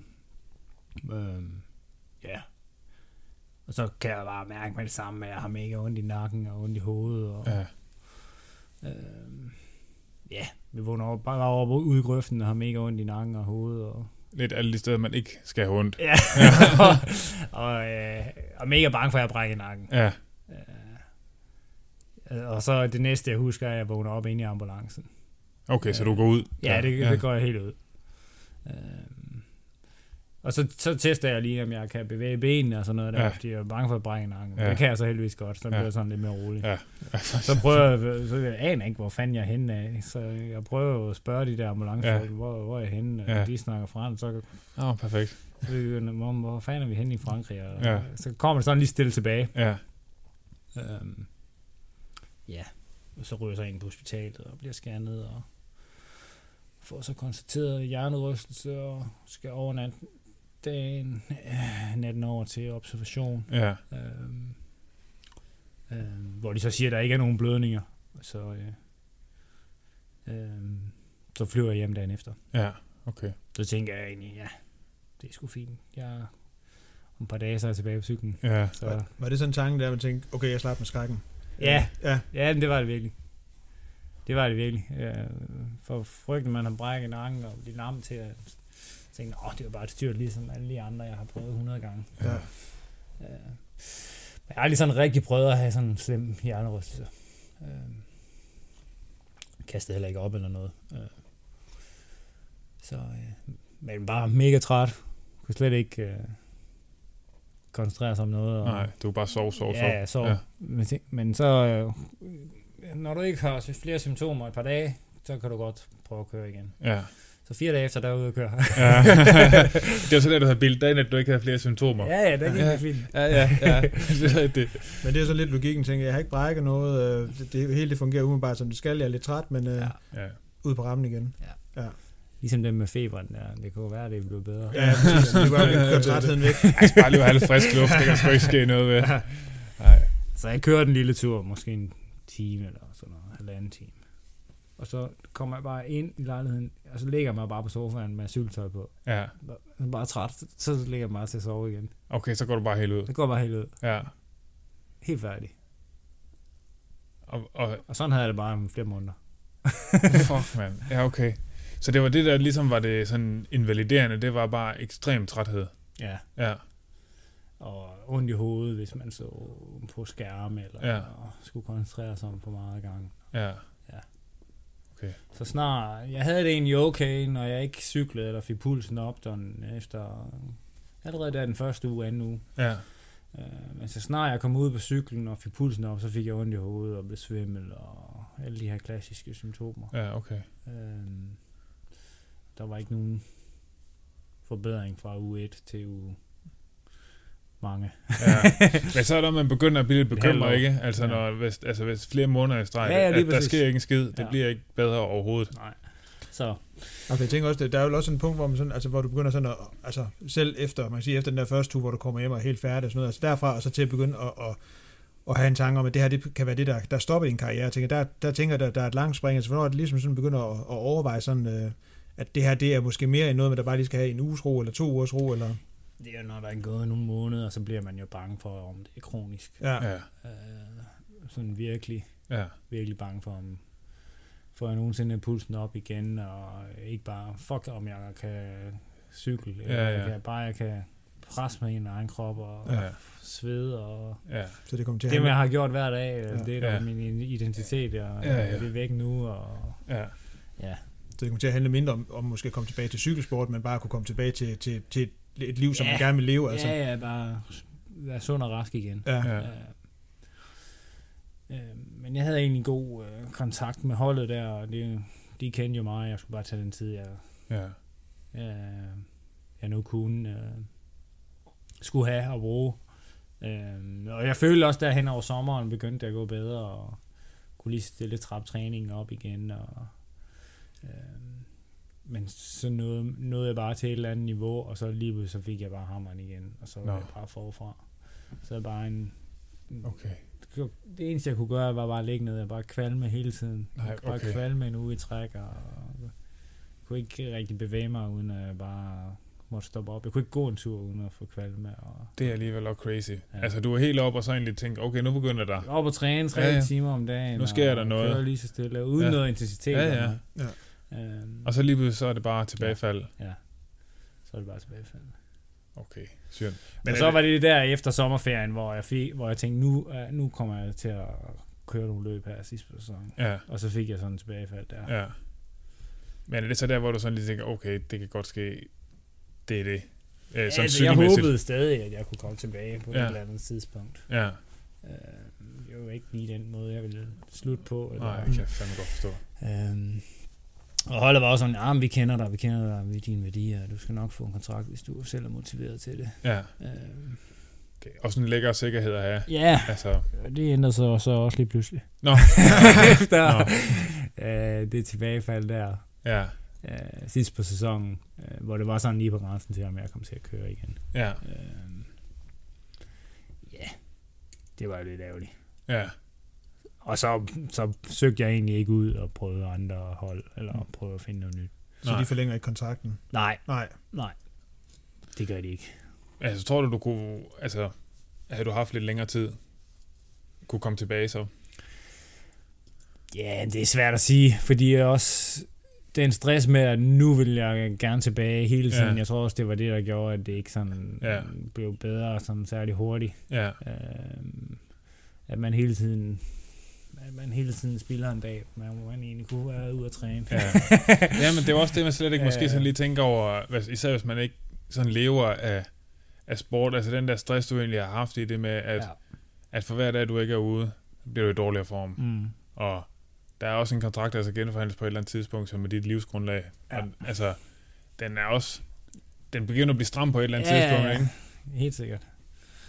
Så, øh, og så der træffer de jo en beslutning for mig. Ja, ja. Øh, så, så jeg søgte ikke ud efter nogle andre hold. Øh, Nej. jeg vidste jo godt, jeg var nok i mit livs efterår, om jeg skulle køre et par sæsoner mere eller mindre. Øh, det gjorde mig nok ikke det store, men det var mere det der med, at jeg selv traf beslutningen. Jeg Ja. selv var klar til at stoppe, og Ja. ja. jeg ikke stoppet med i en grøft i Frankrig Ja. på nogle brosten. ja. Øh, der havde jeg måske lidt et, et, et andet billede af, hvordan jeg gerne ville have det Ja. til at ske. Ja, det kan. Ja. det kan man meget godt relatere til. Ja. Ja. Ja, ja, ja, altså jeg tænker det her med, at man kan godt relatere til, at alligevel så, så er det også svært, at tænke, den situation, vi sidder i, altså ja, det ja. her med, for jeg tænker, at, jeg tænker, at der må være, altså det må være nogle, øh, altså, altså to, øh, virkelig nogle, nogle mange modpoler i det, både det her med sådan at komme fra at være, altså, øh, hvad hedder det, professionel øh, sportsudøver, ikke, og, og være Mm. i, altså, den ypperste fysiske form, til lige pludselig at, at, at være i den helt modsatte ja, grøft, altså, men det her med altså, at få Ja, ja, kvalme med at kunne gå en tur, og lige pludselig ikke at kunne gøre det, man, ja. man har været vant til, og øh, også øh, tænker jeg, Altså jeg tænker, at mange, som, som motionerer, dyrker sport som motion, har måske prøvet at være skadet, eller være sat ud af spillet på ene eller anden måde, og tænker, der er jo ikke noget stress forbundet med det, Mm. andet end det stress, man nu selv kan bygge op. Men jeg tænker også, for dig har det også, der har det været et arbejde, altså, øh, Ja, altså det har jo været dit, ja, som du siger, Mads, ikke? altså livsgrundlaget, der, mm. Altså, så jeg tænker, der, der, der er mange sådan, øh, altså parametre i det, der, der gør, at, at øh, kunne jeg forestille mig, at det, det må være, altså, nogle ekstremt store øh, modpoler over for hinanden, øh, og, Ja, ja, stå i det den var- situation. Det var mit arbejde, det var mit liv, min identitet. Jeg var jo cykelrytter. Ja, jeg tænker, Og det- jeg havde ikke en uddannelse at falde tilbage på. Nej. Jeg vidste ikke, hvad jeg ville bagefter. Jeg havde jo nogle idéer og noget, men det var ikke noget, der var sikkert på nogen måde. Nej. Øh, øh, hverken økonomisk eller, eller andre. Nej, så det er jo også det, altså, det er jo også en ekstra ting oven i, stressen. Ja. Altså en ting var, hvis du havde du ved, fået taget en uddannelse ved siden af, eller et eller andet, som, som øh, er, blevet mere udbredt nu, i hvert fald, end, end det har været dengang du ja. øh, var der i starten af 20'erne.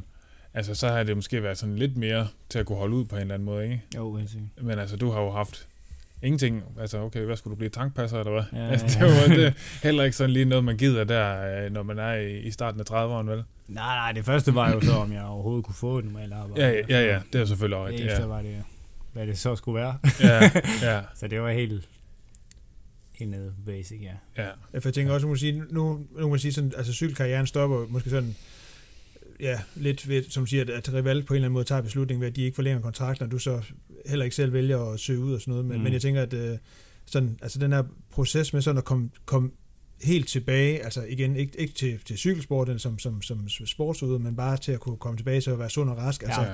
at den proces fortsætter vel også derefter. Altså, Jo. prøv at kan fortælle lidt om det. Jo, men helt sikkert. Øhm, jamen, øh, jeg var en masse forløb med øh, øh, sådan en neuropsykolog, som skulle guide mig igennem, hvor meget jeg kunne træne, og man lige, lige sådan lige, lige stille trapper op 14 dage gang, lægger en halv time på øh, i 14 dage, og så når man, hvis, man, hvis det går godt, så kan man lægge lige så stille på. Og, Mm. Øh, der er jo en, en masse myter med hjernerystelser, men problemet er jo også med det, man, man ved simpelthen ikke nok om hjernen endnu, til at man kan sige noget klart. Nej. Man ved bare, at efter tre måneder, så skulle jeg, de der nervebaner gerne være vokset sammen igen, og så, så kan du ikke gøre mere skade ved at tage ud og træne. Okay. Så der de første tre måneder skal du passe på. Ja. Øh, og det var måske heller ikke det, jeg gjorde så Nej. meget. Nej. Men, Men der gik jo lang tid, også, også efter de tre måneder, hvor jeg stadig ikke kunne få pulsen op uden... Øh, og, hvor, hvor jeg lige stille trappede op og ned og fik de her tilbagefald, Ja. også efter tre måneder. ja, fordi da du snakker om det der ordentlige tilbagefald, du fik der efter sommeren, det har jo været et godt stykke efter. Ja. Altså, det er jo hvad, fem måneder efter. Eller Ja, sådan ja, noget. lige præcis. ja. Ja, for det er helt tidligt på sæsonen. Du sagde, det var tredje løb, du Jo, du det var i marts måned, starten af marts. Ja. Måned, ja. Men der er også, der er også Så- nogle helt andre ting i det. Altså, en ting er at skulle være, og du skal finde noget nyt at lave, en ny identitet, og det er, hvad det er. Men der er også en eller anden frygt for det der med, altså, er det så et liv som hjerneskadet, eller hvad? Altså, fordi det er jo ja. I princippet det, som det så er, ikke? Altså, det er jo en form for hjerneskade. Jo, jo, helt sikkert. Ja, Øhm, så så den, den var også svær. Den var, ja, der var nogle søvnløse nætter der på, ja. øh, på et tidspunkt, øh, indtil jeg så ja, accepterede det, eller hvad man kan sige. Ja. Øh, kom ind i det og fandt ud af, hvad jeg gerne ville, og, øh, og ligesom kom videre i det, øh, Ja. som så er jo det, jeg sidder lidt i i dag. ja. Øh, Og Og- gjorde det også noget, altså, der ligesom tager, eller der rival tager valg for dig, altså gør det også noget i forhold til sådan ligesom at få dig videre i forhold til skaden? ikke, i, ikke i starten. Nej. Nej. Nej, det var... Altså, det var... Det var over et år, før det blev sådan markant bedre. Øh, og jeg kan stadig mærke det i dag. Altså, ja. Øh, symptomerne fra hjernerystelsen. Men ja. det Ja. er ikke så drastisk, som det var Nej. førhen. Øh, men det var jo stadig lang tid efter det, jeg Ja, Meget lang tid efter. ja. Så du er stadigvæk, øh, altså sådan, øh, altså øjeblikket som nu, hvor du sådan kan mærke det. Ja, det har Ja. jeg. Mm. Hvor, hvornår er det sådan, øh, Ja, men det de, klassiske der, hvis man sidder for meget foran en skærm, eller man bare er for stresset, og så mm. Man prøver at tage ud og køre en tur, eller hvis jeg træner lidt for høj intensitet, øh, okay, så det er så kan jeg godt mærke det stadigvæk, og få sådan nogle spændinger Ja, i, i hovedet, eller hovedpine, eller hvad ja, folk vil kalde det her. Ja. ja, Spændingshovedpine, det synes jeg, det er det bedste øh, måde at beskrive det på. Sådan. ja. ja. Øhm, Men det er jo også sådan, altså så er det jo også, du bliver, øh, du bliver jo også far midt i det hele. Ja. Ja, det må også være en ekstra bekymring på en eller anden måde. Altså i forhold til, at nu skal du også finde ud af, hvad du så, hvad fanden du skal. ja, det giver lidt pres på, på økonomien i hvert det er fald, det. kunne man sige. Altså, det er jo lige pludselig en ting, at man selv kan gå sulten i seng, men man kan næsten ikke... Øh, altså, hvis man... jeg vil ikke rigtig sige, at det står en og hør, slap lige af. Nej. Altså, der er ikke rigtig mere at komme med her sidst på Nej. måneden. Nej. Nej, men det er rent nok. Så den, den hang jo lidt overhovedet. Man ved jo godt, at ni måneder inden han kommer. Eller, Jamen, det er jo det. ja. Så ja. Ja. Ja, altså, det, øh, det var også en ekstra presser. ja, Så, men øh, ja. vi øh, bor heldigvis i Danmark, så ja, det kan ikke gå det helt galt. nok ikke helt nej, galt. Nej. Altså, jeg vil også sige, jeg var også, da, da corona kom, der var jeg også glad for, at man kunne flytte tilbage til Danmark fra Ja. Spanien. Altså, Ja. og så, så kunne jeg så godt nok kun få integrationsydelser. Det så men, men, øh, men altså, det var trods alt bedre end øh, at, at bo på gaden i Spanien. Ja. Ja. Men øh, altså nu, du har så fået, fået det her på afstand, og altså synes du der, altså har du stillet dig tilfreds med afslutningen på det hele, eller hvad man skal sige? ja, jeg har i hvert fald accepteret det. Ja, ja, Øhm, jeg selvfølgelig gerne have det sluttet på en anden måde, men jeg er også stolt af de resultater, det jeg opnået, Ja. og, og, som jeg også siger, at jeg har ligesom udlevet min drøm, jeg havde ved at køre på det højeste niveau for Ja. Saxo Bank. Ja. Øhm, øh, og jeg er også realistisk nok. Jeg, på det tidspunkt havde jeg ikke niveauet til at, at være World Tour rytter. nej, Øh, så det kan jeg også sagtens acce- acceptere. ja, Men at jeg har øh, givet det chancen og gjort det 100%, ja, det gør bare, at jeg kan stå tilbage uden at være øh, bitter eller skuffet Ja, for ja, mig selv. Og, ja. øh, er det en accept, der sådan har taget tid, altså i forhold til, til at, at for eksempel det, de træffer beslutninger om ikke at forlænge kontrakten og sådan noget, øh, har det taget sådan tid at, at lande i sådan og en accept af, at, øh, som siger det her med, at du, du får Ja, ja, udlevet har drømmen, og det har det helt sikkert. ja, Øh, men jeg tror lige, man skal have det hele lidt på afstand, Ja. øh, før, man, før man ligesom kan se, hvad, ja, både hvordan det var og øh, det store billede i det. Mhm. Man er meget i en osteklokke, når man Ja. er atlet. Det er kun træning indtil næste weekend, der Ja, er vigtigt. Og ja. man skal ud og køre det næste løb, og så... ja, Øh, jeg, tænker, nok, jeg kunne forestille mig i hvert fald, når man kommer, kommer på, på afstand af det, selvfølgelig måske også kan se mere realistisk på det, så kommer der måske også nogle ting, som man tænker, man ikke nødvendigvis i savner sig fra livet som, øh, som Helt sikkert. cykelrytter. altså, helt sikkert. Ja, Jeg synes, det er meget fedt at have fri weekend. det, det, ja, det kan også noget. det kan Ja. altså også noget. Ja. Men altså, hvordan er, dit, hvordan er dit forhold til cykling i dag? Altså, hvis du, øh, nu er der Flandern på søndag, ikke? Næste søndag. Ja. Altså, øh, øh, har du det helt fint med, at jeg skal sidde og se... Øh, øh, ja, det har jeg. ja, altså, det er noget, du godt gider, og... Ja, ja, jeg Ja, synes, det er og nyder det, ja. at sidde og se. Og, øh, jeg følger stadig med, jeg ser de største løb, og, Ja. og træner nogle unge talenter, og, Ja, og prøver at give det tilbage til sporten. Ja. Øh, så det er ikke sådan, at jeg, at jeg hader cykelsporten. nej. Øh, Nej, men det er jo det. eller sidder bitter og tænker, det kunne have været mig, eller? nej, men nej, men som, som jeg sagde før, jeg har ligesom Ja, ud, udløbet det, jeg gerne ville. Ja, ja, ja. Øh, det er selvfølgelig ærgerligt, at holdene, nogle af holdene bliver drevet, som de gør. Det er jo Ja. ikke cykelsporten, der er noget galt med. Det er jo dem, der driver holdene, Ja, der er ja. galt med. Så, Ja, ja. Så, så cykelsporten, jeg er cykelrytter, det vil altid være. Jeg, Ja. jeg elsker stadig at cykle en tur. Ja, ja. Men apropos det med så altid at være cykelrytter, er der nogle sådan ting, nu du så videre i livet, og du læser, Ja, øhm, og, øhm, og, og selvfølgelig også træner andre, og du har noget på en efterskole og sådan nogle ting. Mm. Altså, er der nogle ting, du har taget videre fra dit liv som professionel atlet, som du har kunnet bruge nu? Altså, udover selvfølgelig din, din deciderede cykelrytter-erfaring, du kan bruge i forhold til, til træning af andre, men sådan mere sådan ting i forhold til sådan hverdagsting, måde at strukturere hverdagen på, eller et eller andet.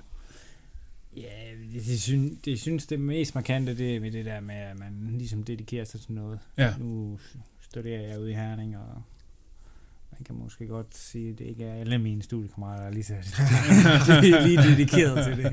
Ja, Ja, det, det er bare det, det største faktor, man ligesom ser. ja, Øh, ja, så det der med, at hvis man, hvis man siger noget, så, så kan man også stole på det. ja, ja. Øh, øh, det ser jeg måske ikke blandt alle. Altså, Nej. ja, strukturen på den måde med, at Ja. man, man kommer til tiden. Det der helt, det lyder fuldstændig banalt og Ja, simpelt og ja, idiotisk. ja.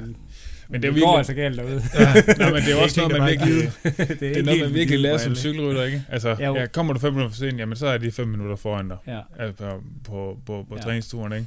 Så kan du så enten køre selv, eller du kan prøve at se, om du kan fange dem. ja, ja. Men, men altså, det er jo meget, øh, altså den hårde skole, hvad, det, hvad, hvad de der sådan ting angår, mm. og opføre sig ordentligt over for hinanden, er der vel også meget i. ja. Ja. Selvom man kan selvfølgelig godt tage lidt pis på hinanden. Ja. Jo, jo, og så har man bare meget livserfaring, ikke? Øh, Man har været rundt i mange forskellige dele af verden, og Ja. ja. mødt en masse forskellige folkefærd, og set, hvordan det foregår over det Ja. hele, og Ja, for der er vel også mange af dem, du så... kastet ud i alt muligt, stået ja. i et eller andet sted i Europa, og selv skulle finde hjem med Ja. ja. cykel under armen. God tur for... Ja, og det, kan, det vil også give lidt perspektiv på sådan nogle af de andre situationer, man kommer til at stå i. ja, og ja, for tænker, fanden. Ja, altså tænker, det, det går nok. Altså, ja, ja. det går nok. Ja, Men der er vel også mange, altså dem, du så læser med, som så er noget andet sted i livet, end du er, og som har oplevet markant mindre. Ja. Altså, det må man også, det kunne jeg forestille mig, man kan mærke. ja, ja, helt sikkert. Ja, Øhm, ja, man kommer jo fra helt, helt forskellige, Ja. forskellige sider af. ja, ja. Øhm, øh, og det tror jeg også, det, det er lidt af grunden til, at man måske lidt lettere kan komme ind på nogle af de her uddannelser, hvis man er fra en en elitesports baggrund. Ja, Øh, fordi de vil gerne have lidt forskellige, ja, øh, og de ved, at man, hvis, man- hvis man synes, det er sjovt, så skal man nok dedikere sig til det. ja, ja, ja. Så skal man nok lære det, selvom man ikke ved en skid om det. ja. fordi der er en god historik i forhold til at være god til at dedikere sig og, og give sig selv. ja, Ja. ja, ja, lige præcis. Ja. Ja. Men jeg synes jo også, jeg hører, altså når man hører sådan andre podcast, hvor folk de snakker om cykling, altså, der, altså man snakker meget om, at, at det er lidt en skole, man lærer at gå i. Øh, altså livet som cykelrytter. Mm. Øh, og måske især der, når man kører ned i Belgien og Holland. Og de steder. det, det er sådan lidt, øh, altså der er et sted, hvor man lærer tingene på den hårde måde, men man, altså, man lærer dem så til gengæld også. Øh, og det er så også, altså, som du også selv siger, altså, der er lidt ting, man kan tage med videre, som er lidt nogle af de der sådan helt basale ting, men som, som kan være svært stadig for, Ja. for mange mennesker.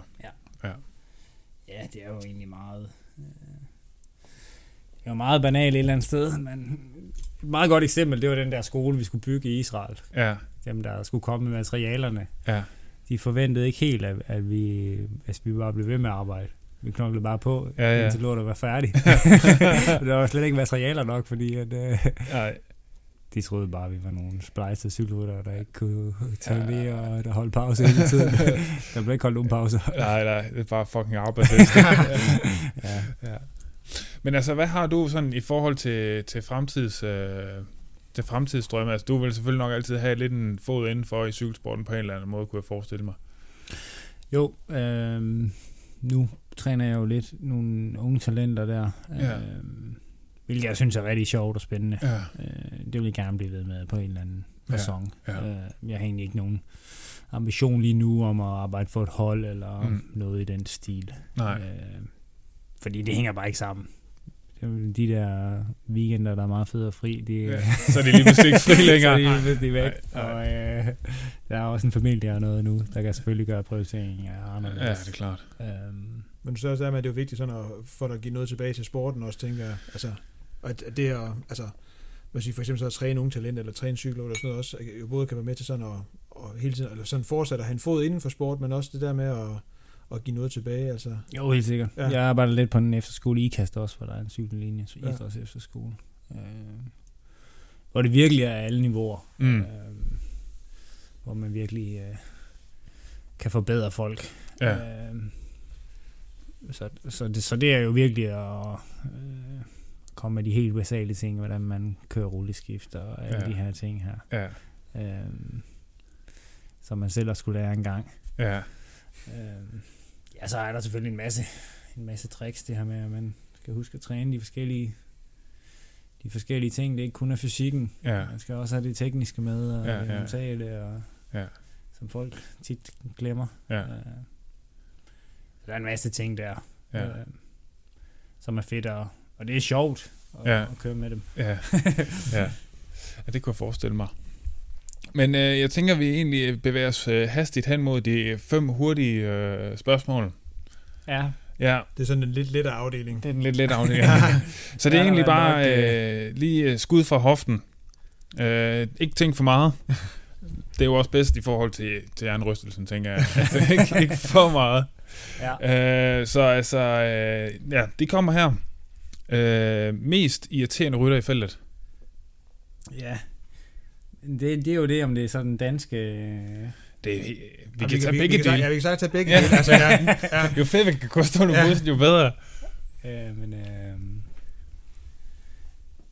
men der er jo nogen, man, man synes, der er pisse irriterende, når man kører med dem, og Ja. så når man lærer dem at kende, så er de jo egentlig okay. Ja. Så man kunne jo tage Mobassen først. Christian. Bober. Nå. Ej, d- Ej, der var en anden en, der, en, der hed øh, Rolf Broge, så også fra Randers. Ah, okay. Mads. Ja, det lyder du, mærkeligt. du kender ham ikke? Nej, jeg kender ham ikke. Jeg kender ham Nej, overhovedet. men han, han tog heller aldrig nogen føringer, men han var irriterende god. Rolf. Han er irriterende god i en spurt, så. Ja. Nå, men han gad aldrig lige lave noget. Nej, men han var kører Hvad sagde du ned til efternavn? Rolf Broge. Rolf Broe. Broø. Broge, Broe. ja. Nå, men jeg er gode venner med ham nu, men Nå. han var pisse irriterende at køre med. Ja, okay. Nå. Ja, okay. Så skud ud til Rolf. Ej, der er sikkert der er en masse, men lige nu er det ham, der Ja, hvad med så nogle, øh, hvad så hvis det skal være mere internationalt? Det er ikke nogen, I kender, tror jeg ikke. Nå. Øhm, jeg ved sgu ikke, om der er nogen, der er sådan rigtigt. Så skulle det være nogen højt råbende i det professionelle felt. Ja. Ja. Er det... Kom med dem. Kom med dem.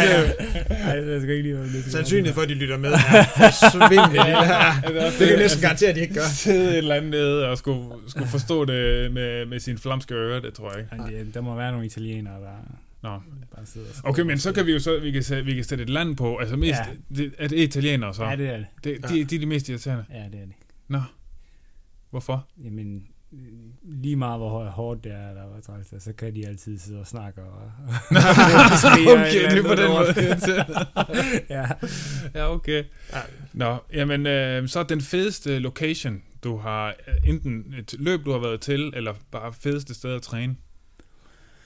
Øhm, jamen, jeg synes egentlig, det fedeste sted at træne, det var der i Luca, hvor jeg boede. Ja. Øhm, jeg har næsten kørt alle steder, undtagen Jona, der hvor der er mange, der bor. Ja. Jeg har ikke, øh, ikke kørt endnu.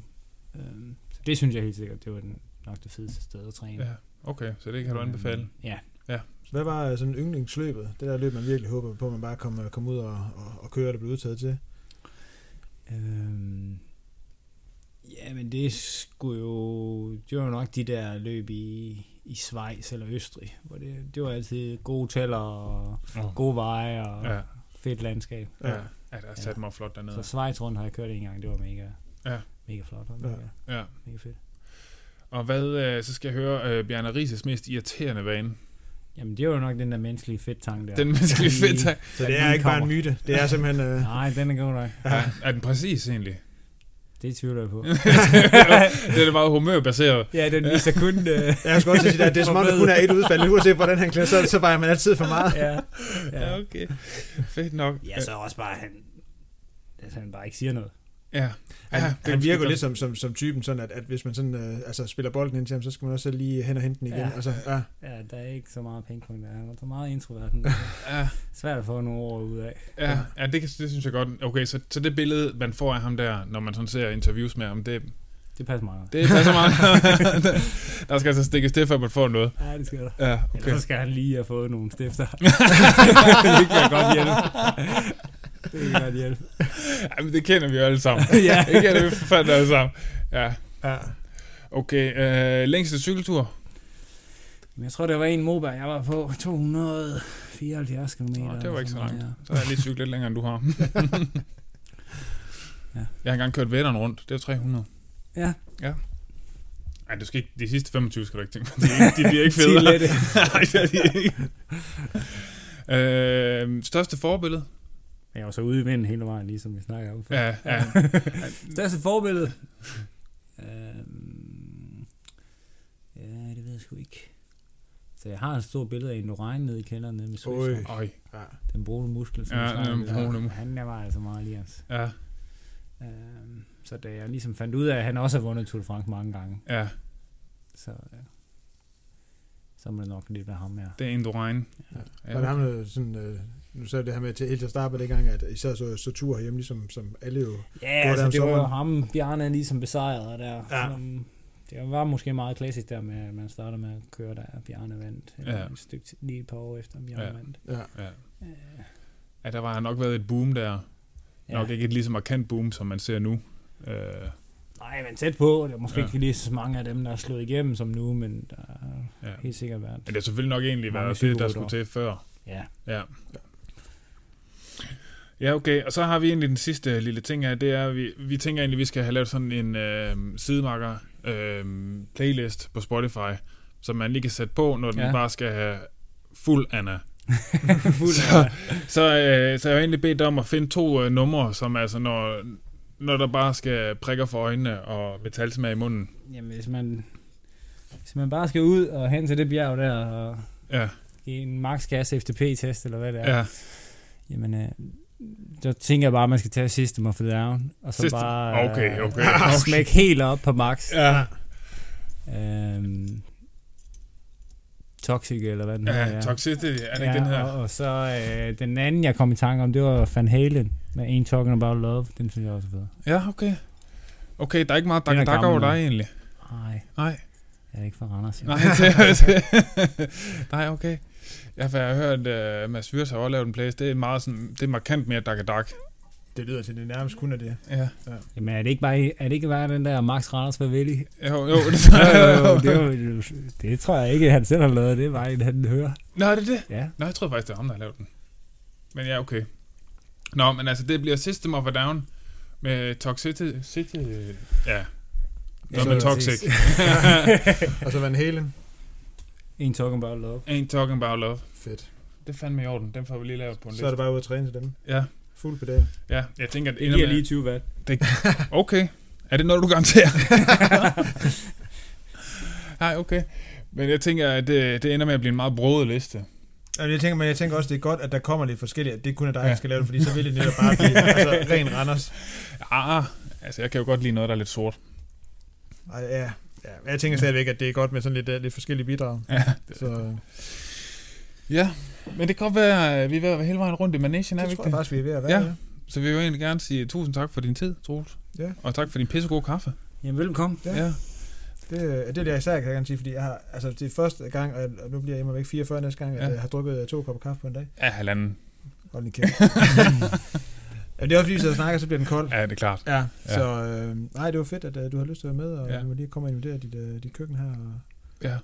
Det Jamen, det var fedt at være med. ja. det er spændende at komme med ind, bag, ind bagved. Ja, ja, nu håber jeg ikke, det bliver alt for meget uh, Jesper Skibby tuderi i den. Nej, jeg synes ikke, der var meget tuderi. Det, det klarede du faktisk meget godt. Åh, det er godt. Ja. Ja. Så øh, ja, altså vi kunne selvfølgelig godt have, altså Bjarne måtte gerne have været hængt mere ud. Men, øh, Vi kan lave sådan en Patreon-episode, som er for folk, der bare betaler helt vildt meget, og så splitter vi det bare. ja, Ja, det er en god idé. Ja, lave sådan en betalingsmur. ja Hvis du giver præcis. 99 om måneden, så får man alle sandhederne. Ja, Ja. få en sandhed om måneden. Men, men jeg, jeg så ikke noget til Bjarne, da jeg kørte på hans hold. Ja, det gjorde jeg lige. Nej, Jeg tror bare, han lå derhjemme og var lidt på mere. Men kun uden, når Contador var der. Nå. ja, okay. Hey, er det rigtigt, jeg har en historie om Sugar om øh, Contador? Er det rigtigt, at han bare har levet af Sugar Pops, øh, altså når han dukkede op Jeg der har om ikke vinteren? selv set det, men jeg har hørt de andre sige det, ja. Ja, jeg I kommer bare. Der det år, han vandt med synes 7 bare- minutter, eller hvad det var. Skulle han ikke have noget af Anne Dortes øh, healthy Nej, mad der? nej, jeg skulle ikke nogen juice til ham. Han skulle bare have noget show på op. Ja. Ja. Og mælk på er- der lige Ja. inden en bjergetap, så var De han er klar. fandme også gode, altså. Og jeg tænker ikke, de ligger og råber dem steder nede i maven så længe. Anyways, altså det. Sukker. Ja, det, Ja, det, det, det er hurtigt omsat. ja, Ja, carb the fuck up. ja. Ja. Der var en eller anden dag, Chris han fortalte, at øh, Contador var gået helt kold, og så med en eller anden dårlig, så skulle han, det var fordi han manglede fedt. Han skulle bare have olie, så hældte de bare olie ud over al maden der. Det var Udo's Choice, eller alt det der klamme olie der. Og han var jo bare så uenig, Contador, han gad jo ikke noget af det der. Okay, sygt. Så de har bare hældt olie på, og han har bare været, nej, Ej, glem det han sagde ikke. Nej, Der var store diskussioner der. Nå. Ja, okay. Men han har trods alt fået sukker. lidt bøf mig og fået noget bøf. Ja, det er jo nok det, han gerne ville have haft. ja, efter bøf, han har slået på chokopops. det skal jeg bare ikke i nærheden af igen. chokopops, det vil man være. Ja. Ej, det er godt. Jamen, Jamen øh, øh, skal vi lukke ned? Det synes jeg. Ja. Så tak fordi, at uh, I har lyttet med nu. Jeg er egentlig faktisk med, at det faktisk blev uh, øh, halvanden time, som, øh, ja. som jeg snakker om. Det er meget ja. blev. Øh, men, ja, tak fordi I lyttede med. Tak ja. fordi I anmelder, deler, hvad I ellers gør.